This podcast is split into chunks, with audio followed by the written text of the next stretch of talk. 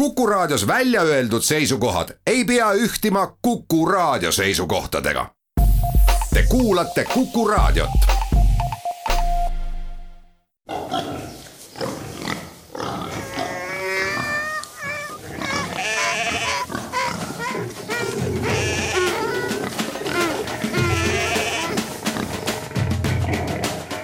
loomult loom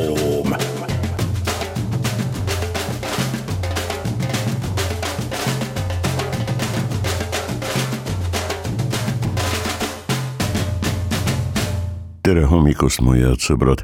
enne kui me lähme romantismi aladele, kus äh, Löwenhoek ja Swammerdam ja paljud teised, no teadlased, sensatsioonilised teadlased on hoopis omapäraselt kaasatud.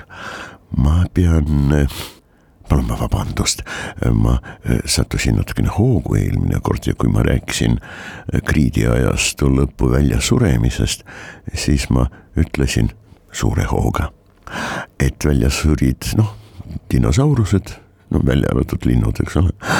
Ja, ja kindlasti mõned grupid, kes äh, elasid veel, no näiteks ilmselt äh, Antarktise mandril, kus oli palju rohelist tol ajal.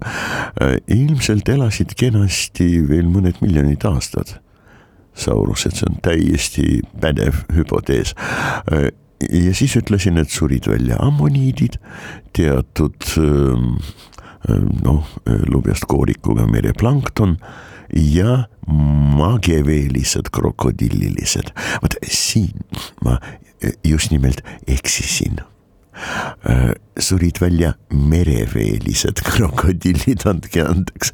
aga jah, juhtusin pühapäeval kuulama oma saate lõppu noh, enam-vähem teist poolt jah, seal natukene ja kuulsin, mida see Turovski seal parajasti ütles, maagiveelised krokodillilised, nendele ei avaldanud ilmselt mitte mingisugust märgatavat mõju terve see suur plahvatus ja katastroof, mis tõesti leidis aset kuuskümmend viis miljonit aastat tagasi.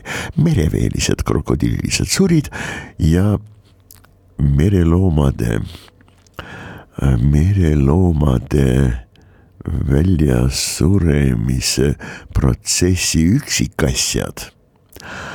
Neid on väga hea uurida, kui tegemist on sessiilsete loomadega, korallid või väheliikuvate põhjaloomadega või sellistega, kes jah, noh, kuuluvad nektobentose nii-öelda ökoloogilisse rühma, nad on siis põhja ja põhja kohal tegutsevad loomad, jah, noh nautiloidid, ammoniidid, nautiloide on ka meie ajal noh, Nautilus pompilius, väga suur, ilus selline keerdussuur koda, kambreid täis aga eeskojas suures on siis loom ise oma ilusate kassisilmadega ja väikse kolmnurkse mütsikesega ja kombitsatega loomulikult jah. kuid mm, vot sellised loomad nagu äh, mosasaurused, äh, kalad, äh, kui nad noh, elasid, surid, langesid põhja ja merepõhja peale sajab ju kogu aeg surnuid loomakesi ja taimi. nii et säte on pidev. kihid moodustuvad suurepäraselt. aga kaasaegse ookeani keskmine sügavus on kaks pool kuni kolm pool kilomeetrit. ja mis seal ookeani põhjas praegu veel on aladel, mis olid ka kuuskümmend viis miljonit tagasi. mere, ookeani põhi me lihtsalt ei tea seda. Ehm, paleontoloogia tööd, kaevandamine fossiilide järele ookeani noh, keskosad põhjas. no vot see eriti veel tehniliselt kuigivõrd tõhusalt teostatav ei ole, loomulikult tööd tehakse ja ookeanis võetakse väga korraliku sügavuse pealt ookeani jaspist imekaunis kivim. No minu lemmik ausõna kuid jah, fossiilide otsimine maa peal, see on väga omapärane, üsna keeruline öö, üritus. ja kui on selline Lõuna-Ameerikas, Argentiinas, Põhja-Ameerika, Kesk-Ameerikas ka, aga Põhja-Ameerikas suurtel aladel on sellised nagu noh, kasvõi dinosauruste või lendsauruste nagu Quetzalcoatlid, pteranodonid, ramforönhosed, vot sellised luude kivistunud luustikute külvid. No tõesti nagu, ma ei tea, moreen ja äh, Mongoolias, Hiinas. Äh,, loomulikult äh, ka Venemaal, no näiteks terve ajastu mesosoikumi, no praktiliselt äh, esimene ajastu Trias äh, algas siis, kui lõppes paleosoikumi viimane periood ja see on Perm. Ja, Perm on Venemaal. Ja seal on väga palju huvitavaid asju, kuid jah, miks ja kuidas, millise kiirusega äh, surid välja tol ajal mereveelised krokodillilised. see on minu meeles üks problemaatika osa, vot kõikide väljasuremiste ja üldse evolutsiooniprotsesside Äh, uurimises ähm, üks probleemide seas äh, väga suureks tähtsaks ja väga vähe uuritud osaks on mereveeliste krokodilliliste väljasuremine, samal ajal kui ammoniidid, peajalgsed, noh, keerdus. Kojaga sees siis sektsioonid, mida saab gaasiga täita, no nii nagu peajalgsetel. Väga paljudel on äh, olnud. Äh, Äh, ja ka praegu mõnel liigil on, äh, kelle koda, no kujutate ette niisugune spiraalne teokarp, eks ole, või teokoda. okei okay,, vaadake, kas see on sümmeetriline, vot sellises laias läbilõikes kas vasak pool on täpselt samasugune nagu parem pool, siis on tegemist ammoniidiga. kui koda on sama spiraalne ka keerdus, aga vaadake ta nii-öelda serva poolt. ja kui te näete, et see on mittesümmeetriline, et sellel on natukenegi jah, ühele poole jah, paremale või vasakule. Selline noh, nagu nagu kuhik moodustunud, siis on tegu ikkagi molluskiga, tähendab teoga. Äh, molluskid, nad on kõik muidugi jah, ka ammoniidid ja belemniidid. Äh, aga jah, mereveeliste krokodillide saatus oli paraku tõesti niisugune, mageveelised krokodillid keda ma just kogemata mainisin eelmine kord. vaat nemad ei kannatanud ilmselt kuigivõrd palju üldse nende fossiilide, vähemalt olemasolevate kättesaadud fossiilide ähm, najal me näeme, et evolutsioon oli pidev, katkestamata või vähemalt ilma arvestava mõõnata äh,. väga huvitavad loomad on krokodillilised, arhesauria, üürgsed, no üliürgsed, päris roomajad nad on ju noh, geosaurused, arhesauria üldse ja geosaurused, krokodillilised, nad on ju palju vanemad kui esimesed päris dinosaurused. Ja näete, nii nagu ka samuti üliürgsed roomajad, kilpkonnad elasid pidevalt arenedes ja nende liikide arvukus ka äh, sugukondade arvukus ja see on väga tähtis, kui me uurime evolutsiooni noh, suuri protsesse. ja meid huvitab väljasuremine või faunate vahetus üldse, siis ilmselt määrava tähtsusega on küsimus, kui palju sugukondi suri välja mingisugusel perioodil, kui palju arenes ja tekkis juurde. sugukondade tasandil on väga raske, väga keeruline uurida evolutsiooniprotsesse, kuid täiesti võimalik ja siis, kui materjali on palju ja materjal võimaldab evolutsioonilisi protsesse kirjeldada ja hinnata, no siis me võime olla üsna kindlad. aga aitab nüüd sellest, lähme tõepoolest, tõepoolest, lähme romantikute juurde. ja eelkõige muidugi äh, minu lemmiku no ta on mul, no, no tõepoolest, no minu lapsepõlvest saati ja siiamaani üks lemmikumat äh, kirjanikke. see on Ernst äh, Theodor Hoffmann, ta ise võttis endale kolmas nimi. Theodor otsetõlkes kreeka keelest ladina keelde, Amadeus Amadeus ehk Theodorus, no see, kes armastab Jumalat. nii et Ernst Theodor Amadei Hoffmann kirjutas teatavasti põnevaid ja üliomapäraseid romaane.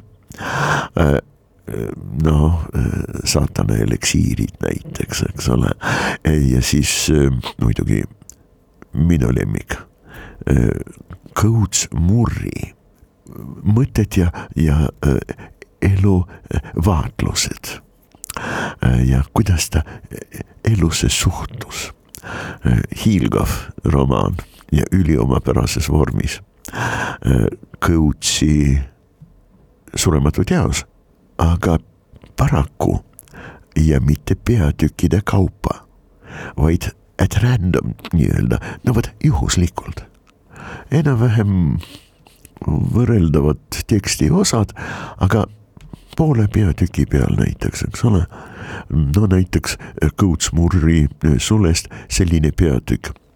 noore meesterahva imelised kuud.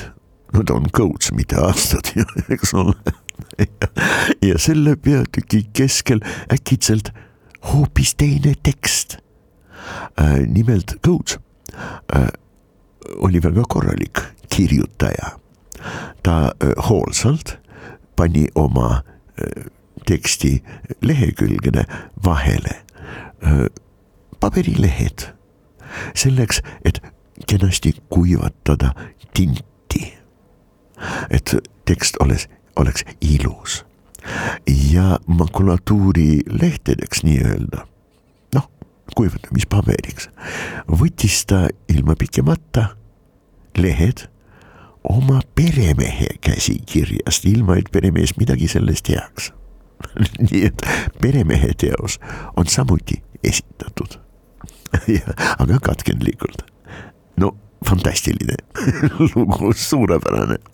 oi, Coates Moore on ju suur filosoof, suur esteetikus ja loomulikult geniaalne luuletaja, vähemalt enda meelest. kusjuures kriitikutele ta võimalikel tema teose kriitikutele, ta öö, pani südamele mitte unustada, et temal, geniaalsel coach'il on väga teravad küünised. tunnen ära, hiilgav kirjanik meister aga jah, tema aforismide seas, no minu lemmik on ehk coach'ilik filosoofia, mida rohkem on kultuuri, seda vähem on vabadust. no katsu sa vastu vaielda. Ei tule mitte midagi välja, sest ähm, vähemalt esimese katsega, ma usun, ei tule midagi välja vastu vaidlemisest. Äh, sest äh, kultuur on ju tegelikult keelude süsteem. tsivilisatsioon on võtete ja oskuste kompleks, süsteem. ma olen tsiviliseeritud inimene, ma oskan äh, laevalgust põlema panna, tean, mis nupu peale vajutan ja loomulikult ma kasutan lusikad, kui söön suppi. Aga ma olen ka kultuurne inimene, eelkõige see tähendab, et ma ei lürfi supi peopesaga, seda ei tohi teha. Kultuurne inimene, elagu Kõuts Murr ja tema filosoofia, aga teeme väikest pausi ja lähme hoopis teistsuguste Hoffmanni teoste juurde. loomult. Loom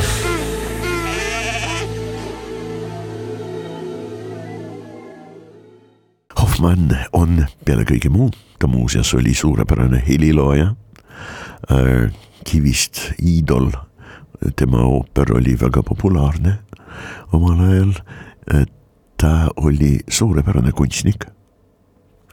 Äh, ja mitte ainult, mitte lihtsalt joonistaja, ta oli päris kunstnik nii-öelda, noh, joonistajaks võib saada absoluutselt iga inimene. küsimus on selles, kui sa tahad, siis ürita õpi. ja sa õpid päris korralikult joonistama, kes sa ka ei oleks. no kui nägemine on korras, eks ole, ei ole probleemi seal, ma ei tea, kätega. ja sama lugu on ju tegelikult muusikaõpingutega, klaverid mängima võib absoluutselt iga inimene. noodid on, solfedžo on selge sul ei pea olema absoluutselt muusikalist kuulmist. Ja noh, trennitud, väga arenenud muusikalist mälu. sa õpid noote lugema ja siis vastavalt klaviatuuri kasutama, see on täiesti võimalik. Kuid jah, värvitaju ja tõesti noh esteetiline omapära, esteetilised võimed. kunstnik, jah, mitte lihtsalt, et oskab joonistada.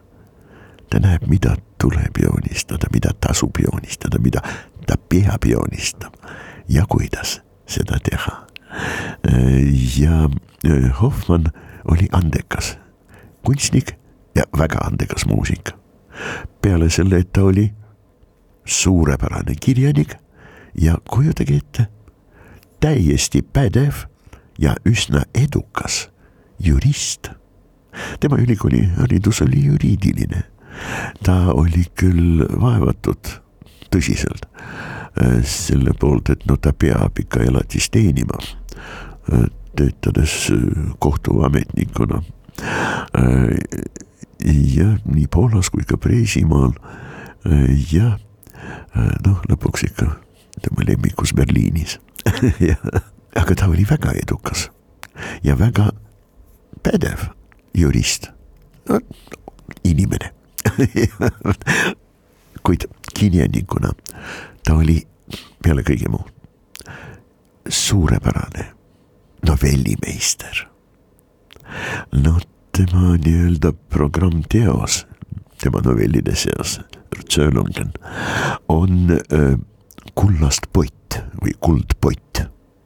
mul on raske ennast vaos hoida, sest no ma jumaldan tema novelle ja mul on, mul on tõesti hea trennitud peale kõige mu mälu ja ma võiksin seda novelli ümber jutustada hirmsasti tahaks seda teha, aga meil tegelikult ei ole praegu vaja just nimelt seda novelli mainida. Lähme kohe meister Kirbu ehk kirpude valitseja novelli juurde. väga keeruline tekst, aga pidevalt mõnus ja väga keerulised lood. mitme maailma vahelised, vot sellised käigud on süžees. seal paralleelselt ja teineteist mõjutades äh, eksisteerib nähtamatu maailma äh, noh, mikroskoopiliste olendite ähm, lood. Äh, samas täiesti normaalne bürgerlik Frankfurt am Main sealsed inimeste maailmalood ja täiesti müstilised, spirituaalsed ja noh, maailma ja looduse süva saladuste ja süvamõjude ja nähtuste maailm.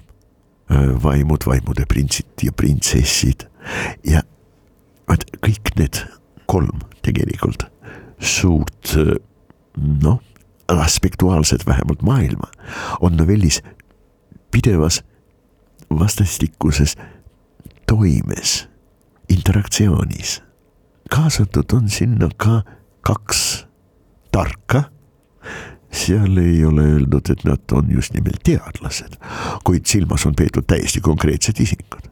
Vähemalt nimed on õiged ja ka enam-vähem õiged, noh vahest eh, Hoffmann seal vähemalt Swarmerdami surmaaastaga eksis, aga see selleks ja inimesed on ülireaalsed tegelikult jah, ja samas nad on ka maagid ja vahest neid nimetatakse seal maagideks. täiesti asjalikult.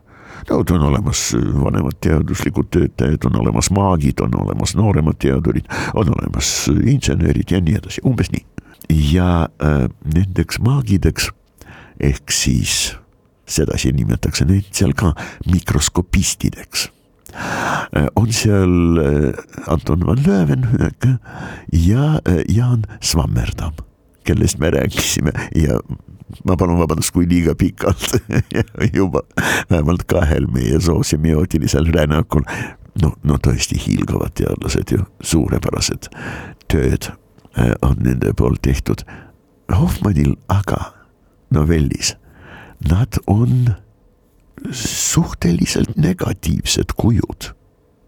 ja mis on siis nende mõlema, loomulikult nad tülitsevad seal süžees pidevalt teineteisega, nii nagu kuueteistkümnendal, seitsmeteistkümnendal, ka kaheksateistkümnendal sajandil ja nii edasi on suurte teadlaste vahelised suhted olnud. Oo oh jaa, no alates näiteks matemaatikutest. no suurepärane matemaatik, Tartalja pidi elu eest no, no, no põgenema ja ennast peitma. Girolamo Cardano, teise hiilgava matemaatiku viha eest. küsimus oli selles, kes esimesena, kelle kuulub au, eks ole, äh, on äh, kuupvõrrandite äh, nüüd lahenduse vormeli leidnud, kas Tartaglia või Cardano. kaasaegses matemaatikas loomulikult seda valemit, noh, kolmanda astme võrrandid, X kolmandas, seal A korda X kolmandas pluss B korda X ruudus pluss C korda X esimeses pluss konstant on võrdne, no ütleme nulliga, eks ole, või mingisuguse teise konstantiga, jah, see ei ole tähtis. okei okay,, on olemas täiesti kindel, üldse mitte lihtsalt või iseenesest kuidagimoodi tuletatav äh, valem ja selle valemi nimetus on Cardano Tartaglia omal ajal Cardano piistodaga ajas Tartaljat taga. no midagi niisugust me leiame ka Hoffmanni novellis Löwenhöki ja Swammerdami vahel. Nad ei kasuta, ei ürita teineteist surnuks torgata mingisuguse terroriistaga, vaid nad kasutavad, kujutage ette, selliseid pikksilmi, taskuteleskoope. Ja vaatavad teineteist teise peale väga vihaselt läbi teleskoopi. see siis tekitab no mida, optilist lööki. Loomulikult müstilist mingisugust, aga valusat lööki vastasele kes äh, hüppab seal valust ja nördimusest ja karjub peenikese häälega, siis haarab oma taskuteleskoopi ja vaatab oma vastase peale, eks ole. nii selline lausa põrmustav pilk, suurendatud taskuteleskoobi abil okei okay., milles neid süüdistab siis noh, peategelane, äh, müstiline kuningas Sekakis, kes ähm, noh, tuhandete aastate möödudes, vahepeal ta oli kuidagi hüberneeritud seisundis, ärkab taas ellu. Frankfurt am Maini kodanikuna. Härra Peregrinus Tissi näol, vot see härra Peregrinus Tiss, vot tal on romantikute jaoks äärmiselt tähtis asjaolu, tal on naiivne, siiralt vaimustuv lapse hing. väga tore, vot just sellised võivad suurtele maa vaimude valitsejatele huvi pakkuda, just sellised inimesed, tore. nüüd vaadake millest siis lõpuks viimases stseenis, vaat see kuningas Segagis ehk siis härra Peregrinus jah, äh, süüdistab Löwenhocki ja Swammerdami viimases stseenis, kusjuures Hoffmann meister, ülimeisterlikult äh, jätab äh, natukene ebaselgeks, kas see on unes ilmsi meie inimeste elukäigu nii-öelda kontekstis või mingisuguses muus plaanis aset leidev sündmus. nii et selles sündmuses nad mõlemad, nii Löwenhoek kui ka Svämmerdam äh, muutuvad väga väikesteks. Küüraks selliseks mehikeseks igaüks. Ja nad istuvad hiiglaslike mikroskoopide peal. ja kuningas Segakis ütleb, et teil ei ole mingit lootust vaimses elus. Sest te olete oma tehnikaga ja oma lähenemisega, mis on kõige tähtsam, äh, looduse vägistajad. Te tungite elusate asjade maailma, alustades oma sissetungi tapmisest. väga huvitav mõte äh,. igal juhul jätame nüüd Löwenhocki ja Swammerdami, kelle saatus äh, on äh, siiski mitte nii absoluutselt äh, selline traagiline. Nad muutuvad küll väga väikesteks, aga nad on elusad ja ütlevad eluaegsed tülitsejad teineteisele, näete, see on teie süü, et meiega niiviisi ühtus. ei, see on teie süü ja väga huvitav personaaž Äh, vana äh, proua Aline, kes oli väikse peregriinuse hoidja ja nüüd on tema maja valitseja nii-öelda, võtab need väikesed lapsukesed, kelleks on muutunud. noh, nad on vanurid, aga jah, lapsukese moodi jah. mikroskopistid paneb neid hälli, hakkab tiigutama ja siis käsib ilusti käituda huvitav pöör, kuid äh, tegelikult äh, Peregrinus on peategelane selles loos muidugi, aga tal on sõber ja ülivõimas, maagiline abiline. Äh, kirpude senaati president. kirpudel on nimelt selles tekstis selgub vabariik ja senaat äh, on vähearvuline, kõigest nelikümmend viis tuhat üheksasada üheksakümmend üheksa senaatorit. noh, et hääletamine oleks hõlpsam läbi viia, jah, kõigest nii vähe. kuid äh, kõige targem, kõige osavam, geniaalne kirp on selle äh, senati president ja teda asjast nii-öelda teadmata, enda jaoks täiesti teadmata, päästab. Vot just nimelt nende kahe mikroskopisti eest. Päästab Peregrinus. ma ikkagi hakkasin praktiliselt novelli ümber jutustama. palun vabandust, ma enam ei tee, ma teen hoopis ühe väikese pausi ja siis rändame edasi loomult loom.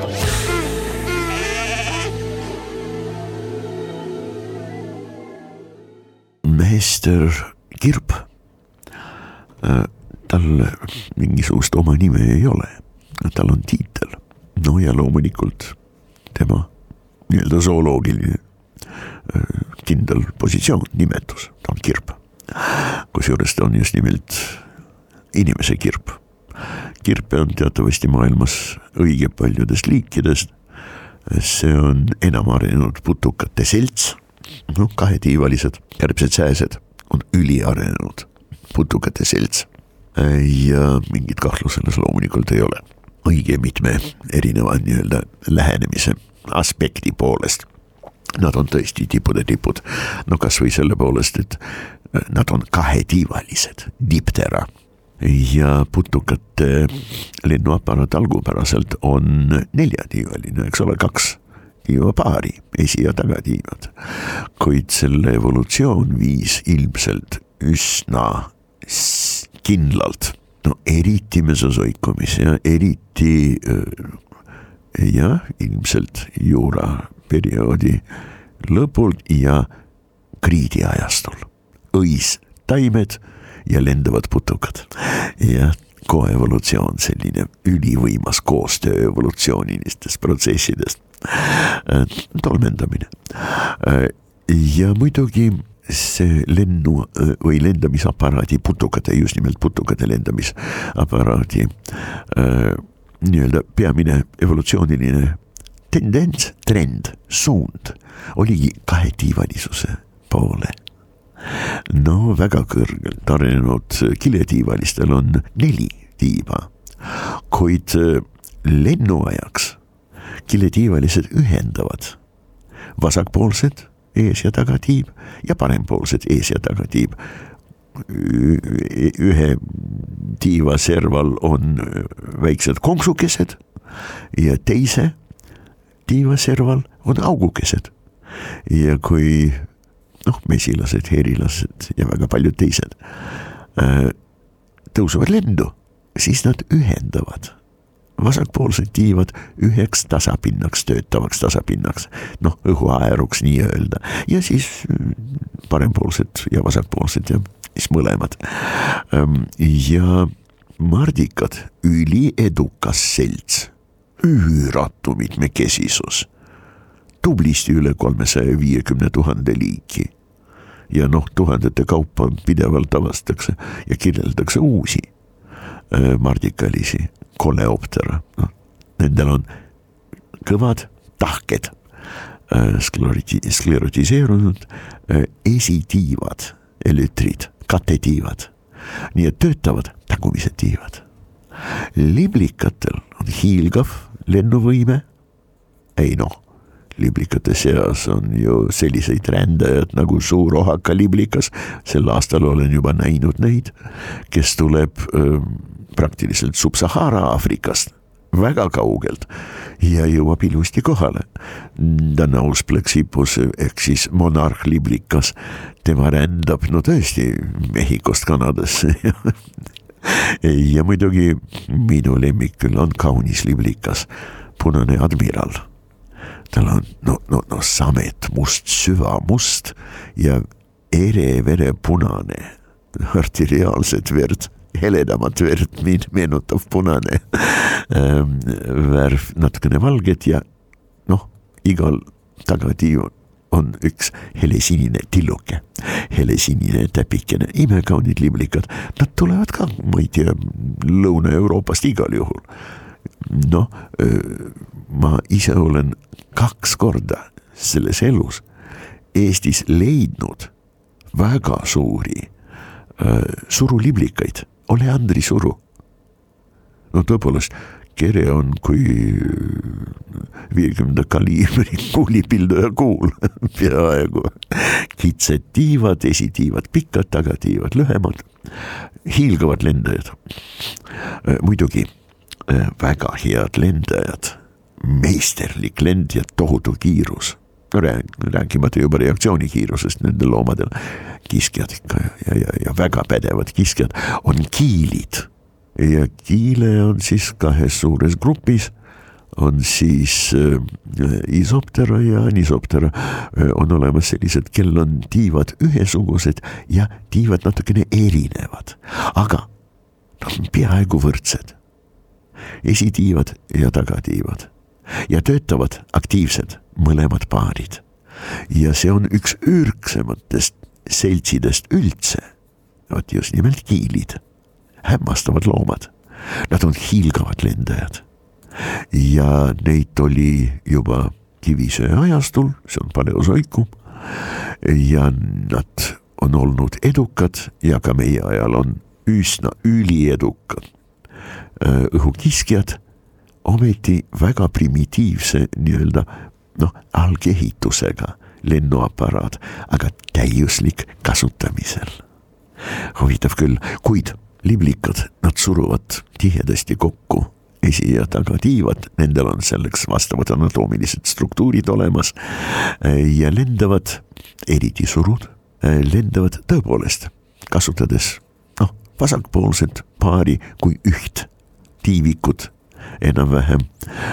loomulikult seal on ka mm, omapära olemas füüsiliselt või nii-öelda mehaaniliselt, tehniliselt nad siiski ühendatud ei ole, nad lihtsalt teineteise vastu surutud see on ka kasulik asi.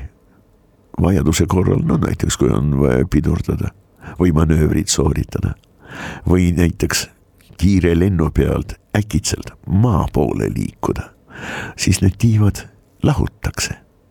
õhk enam ei leia vot seda purjepinda, kui putukas liblikas näiteks teeb sööstu, noh kui liblikas. hetk ja ta on kadunud sukeldus. liblikad niiviisi ja nad sukelduvad nii-öelda spiraalselt nagu kõrgema pilotaaži lennuk, mis maa poole äh, läheb. Äh, nad niiviisi päästavad ennast nahkhiirte rünnaku eest. aga issand, mul on ju vaja kirbude valitsejast veel väga palju öelda, aga minu aeg jälle hakkab otsa saama. oi, veel kord ja veel kord kogen ma seda, et aeg lendab väga kiiresti. Eriti heas seltskonnas, minu heasoovlikud kuulajad ma ju armastan teid kuidas muidu ma oleks saanud nii palju juttu teha ikkagi loomadest, tõsi küll, teistest asjadest, mõnedest ka. jah, mu sõbrad, nii see paraku on. Äh, kirbud, kõrgemad putukad, kahetiivalised, aga nende lähedastest nii-öelda esivanematest äh, kirpude äh,, vabandust, mitte kirpude äh,, kärbeste äh,. kirbud ei lenda teatavasti jälle, sattusin hoogu äh,. kahetiivalised kärbsed, noh, lühikeste tundlatega kõige lühemad tundlad vist ongi parmudel, keda on väga palju. sel aastal no ilmselt talvitamistingimused olid väga head, parmude vassed äh, elavad vees või väga niiskes mullas või lausa märjas poris äh, jah, ilmselt talvitamistingimused olid väga-väga soodsad, arvatavasti. Äh, kuid jah, nendel on kõige lühemad tundlakesed nagu päris kärbestel kõikidel. ei noh, päris kärblased äh, on ka omaette sugukond teiste kärbeste sugukondade seas. Kuid äh, jah, on olemas loomulikult ka sääsed, no kah õige mitu sugukonda, nendel on pikemad, vähemalt isastel, pikemad tundlad põhimõtteliselt.